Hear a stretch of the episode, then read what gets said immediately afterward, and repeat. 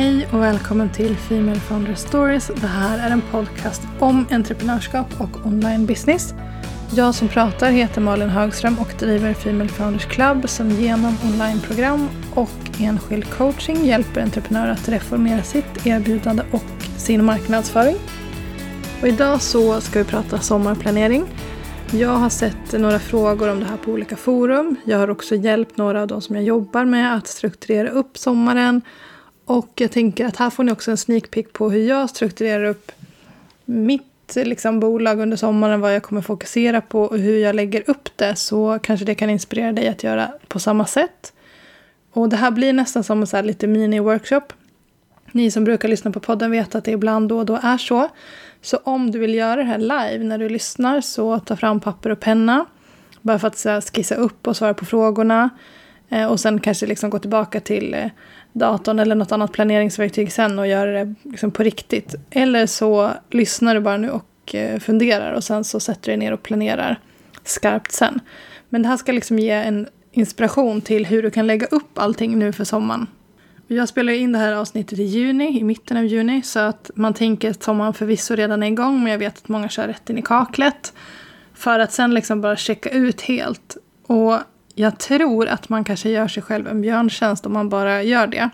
För grejen med sommaren är nämligen inte alls sommaren. Det är hösten.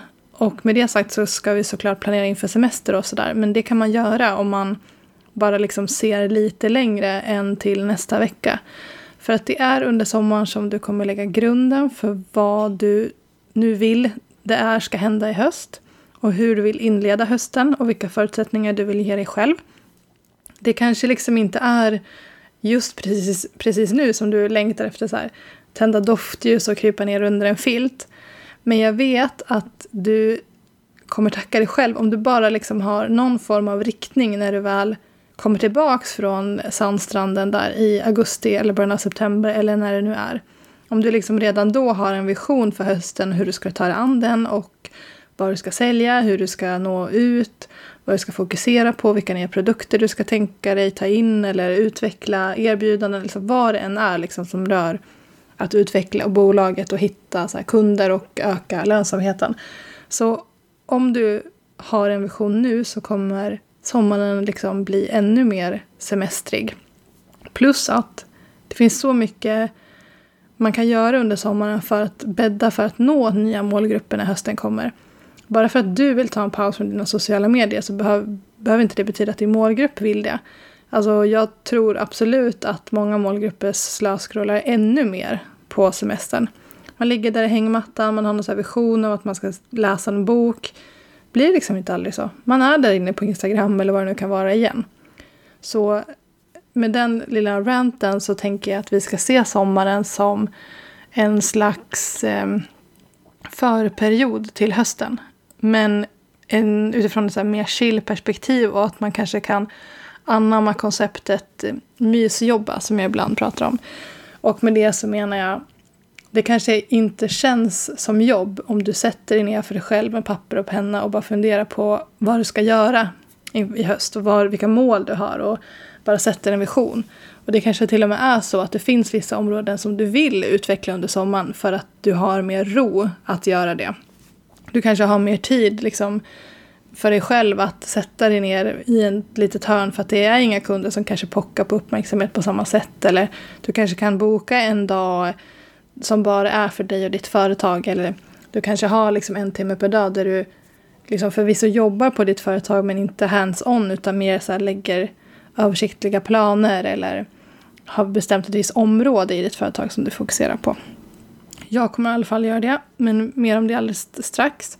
Så jag tänker att först när du ska göra den här versionen för hösten så fundera på de här frågorna.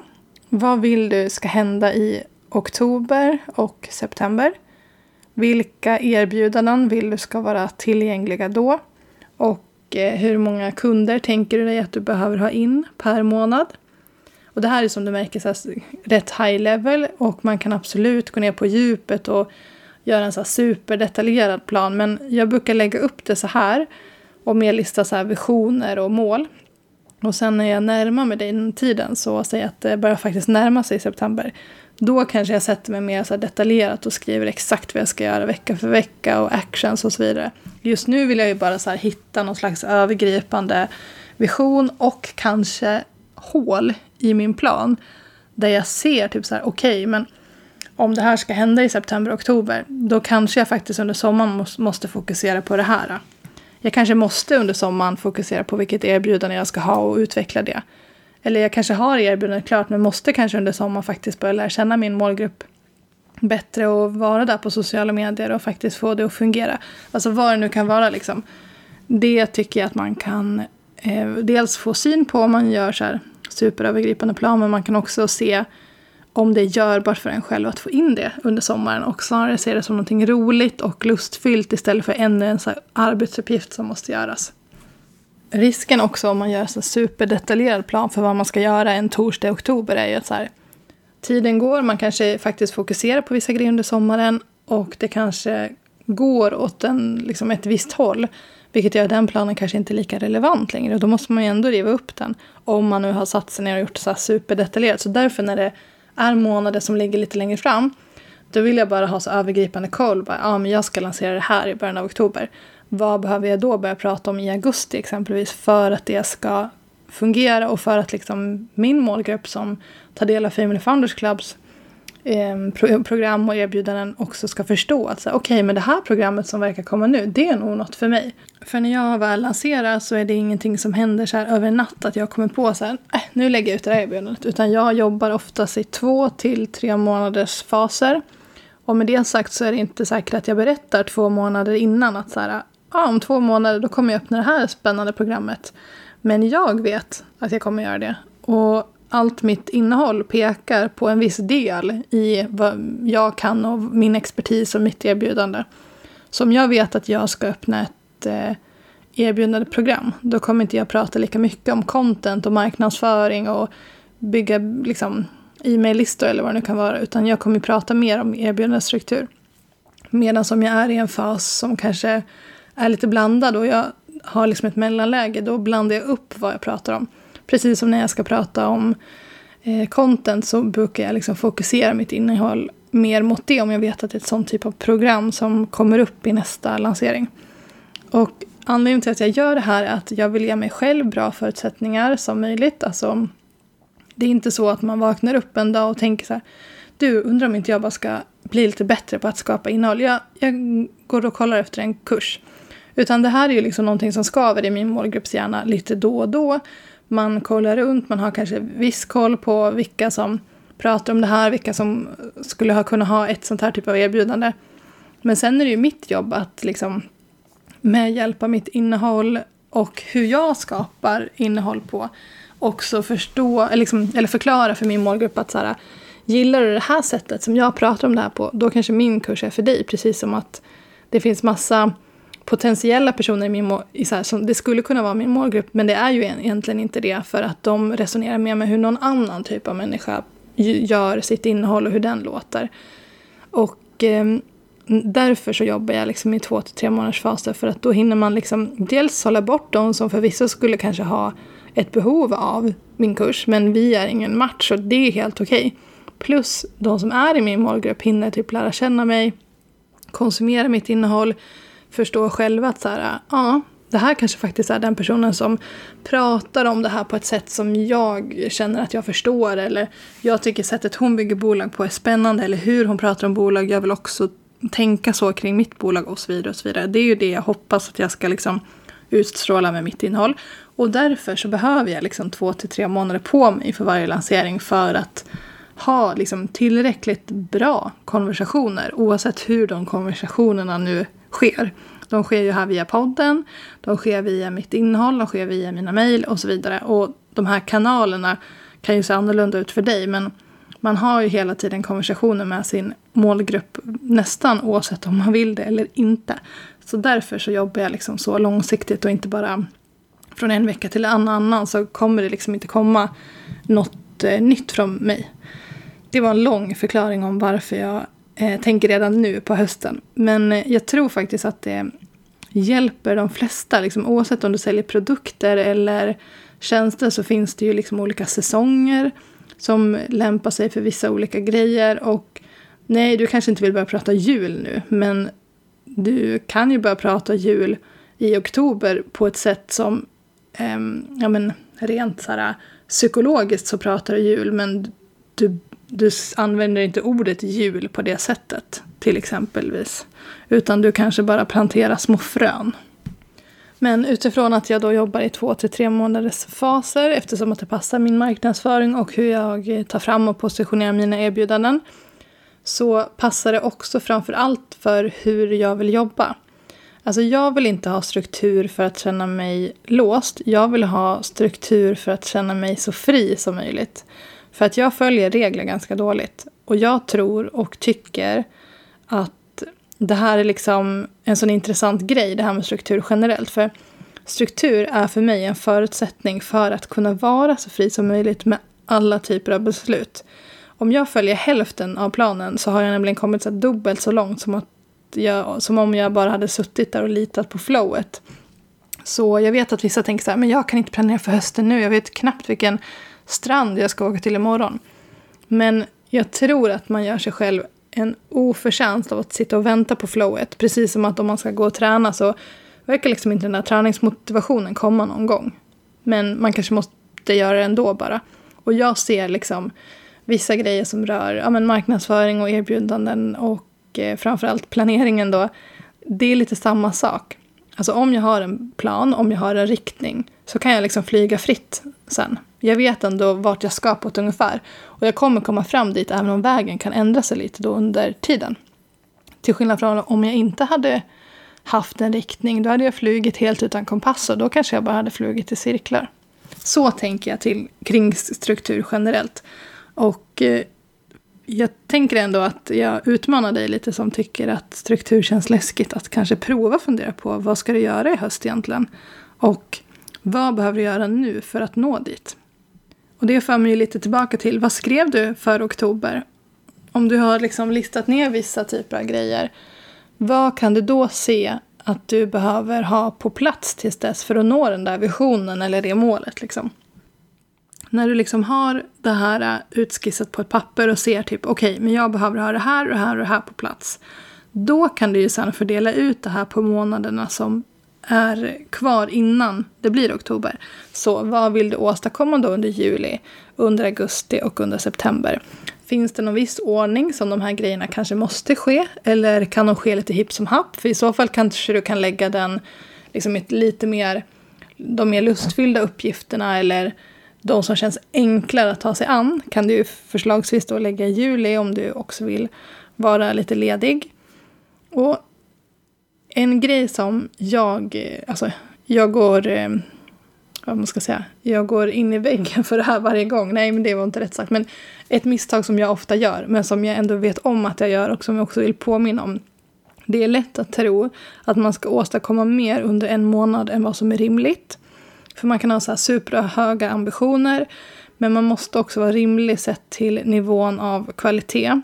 Och det här är ju också då ett argument för att faktiskt börja tänka lite mer långsiktigt. För om man vet redan nu att man behöver börja beta av grejer. Och då kanske man inte behöver känna den här pressen att allting ska ske när man är tillbaka i september. Utan ja, man har smygit igång lite. Man har gjort vissa saker, man kanske har tagit tag i vissa grejer. Man kanske till och med har haft väldigt kul när man har tagit sig an det här under sommarmånaderna för att hjärnan har fått vila från allt annat. Så man kunde liksom bara dyka in i det här och ge sig själv de här bra förutsättningarna. Då behöver det inte kännas som ett så stort berg att bestiga när man väl kommer tillbaka. Om man ser liksom, ja men efter vilka grejer som faktiskt skulle vara mest lustfyllt och mest givande, liksom, också utifrån ett affärsperspektiv, att göra under sommaren. Så för att knyta an till det målet och visionen för oktober. Vad är rimligt att du fokuserar på då, här och nu? Och vad kommer ge dig det bästa fundamentet för att nå det där målet? Och här kommer faktiskt några tips på vad det skulle kunna vara som du liksom behöver göra för att ge dig själv ett fundament. Det kanske är att du börjar fundera på hur du strukturerar dina erbjudanden över året och ägnar juli åt att göra en plan för det så att du inte säljer allt samtidigt till allt och alla. Eller så kanske det är att du börjar fokusera på hur du kan börja nå rätt personer och inte bara de där som likar utan att köpa någonting. För det finns ju så att man kan, man kan ha liksom ganska högt engagemang men dåliga försäljningssiffror. För att man någon gång kanske har tagit fel beslut av vilka man ska nå och fått liksom fans förvisso, men inte betalande kunder. Man kanske sätter en plan för att sälja ett visst eh, erbjudande i oktober och behöver liksom fokusera på hur målgruppen man har linjerar med det erbjudandet. Eh, har man liksom varma leads nu i sin målgrupp? Eller behöver man fokusera på att värma upp dem kanske? Eller är det så att man faktiskt har gjort en förändring i sina erbjudanden så att man måste nå en ny typ av eh, del i sin målgrupp eller ett visst segment? Det kanske är så att du vill hitta ditt sätt att sälja så att du slipper tycka att det är jobbigt. Då kanske det är det du ska fokusera på under juli och augusti. Det finns såklart eh, ja, men hur många varianter som helst på vad du ska fokusera på. Det där är ju liksom ett axplock av eh, ja, men, vad de flesta i min målgrupp brukar tänka att de ska fokusera på givet eh, vad jag erbjuder och sådär. Så en snabbmall om du jobbar i tre månaders cykler är att tänka ungefär så här. Vad ska hända i månad fyra? Vad ska finnas publikt i månad tre, alltså liksom öppet eh, informationsmässigt sett? Vad ska du producera under månad två? Och vad ska du planera för och sätta förutsättningarna för under månad ett? Så om man tänker utifrån de stegen så kan man applicera det på oavsett om man ska utveckla erbjudanden eller bli bättre på att skapa content eller sälj eller vad det nu kan vara. Liksom. Så när man mappar ut den här översiktliga planen så ger man sig själv också rum att planera in den där lediga tiden. Man kan planera in sådana här mysjobbardagar som jag pratade om. Och det är då ja, de här dagarna jag kallar Eh, alltså jag jobbar men det känns inte som jobb utan det är helt enkelt jag med laptopen i knä vid min lilla stuga. Ofta så sker det här under vad jag precis kallade då månad ett. Då, då strukturerar jag upp vad som ska göras och jag tillåter mig själv att utforska och eh, lära mig kring det som jag vill kunna. För att eh, kunna nå nästa mål någon månad fram. Så till exempel under juli så kommer jag eh, lansera en utmaning för den som vill eh, ja, men så här, boosta sitt eh, ja, men content och sitt innehåll egentligen på sociala medier. Som eh, kommer ske under sommaren. Jag kommer också planera för eh, ett program som släpps mycket, mycket snart. Och för min lite större lansering i oktober för ett annat program. Så jag kommer liksom jobba efter de här frågorna som jag själv har satt upp. Och det som sker nu i juli med den här utmaningen och workshopserien och så här. Det har jag ju planerat två, tre månader tillbaka.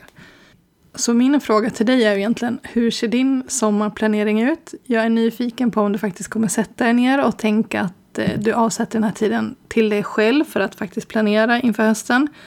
Och om du gör det och kanske rent av kör en så här mysjobbarupplägg som jag pratade om från något härligt ställe så kan du väl tagga mig i bilden. Det skulle bara vara kul att se Eh, hur era mysjobbarställen ser ut. Jag lovar att jag kommer lägga ut också när jag sitter vid min lilla stuga med laptopen. Det gör jag typ nästan varje sommar, lägger ut de, bilderna. Men jag kommer i alla fall göra det, så vet du som lyssnar precis vad jag pratar om när jag kommer skriva att jag mysjobbar. Så om du taggar mig så hit, tagga mig på Female Founders Club. Du hittar mig såklart där så att du kan se när jag mysjobbar. Och eh, så vill jag säga tack för att du har lyssnat. Vi hörs i nästa avsnitt.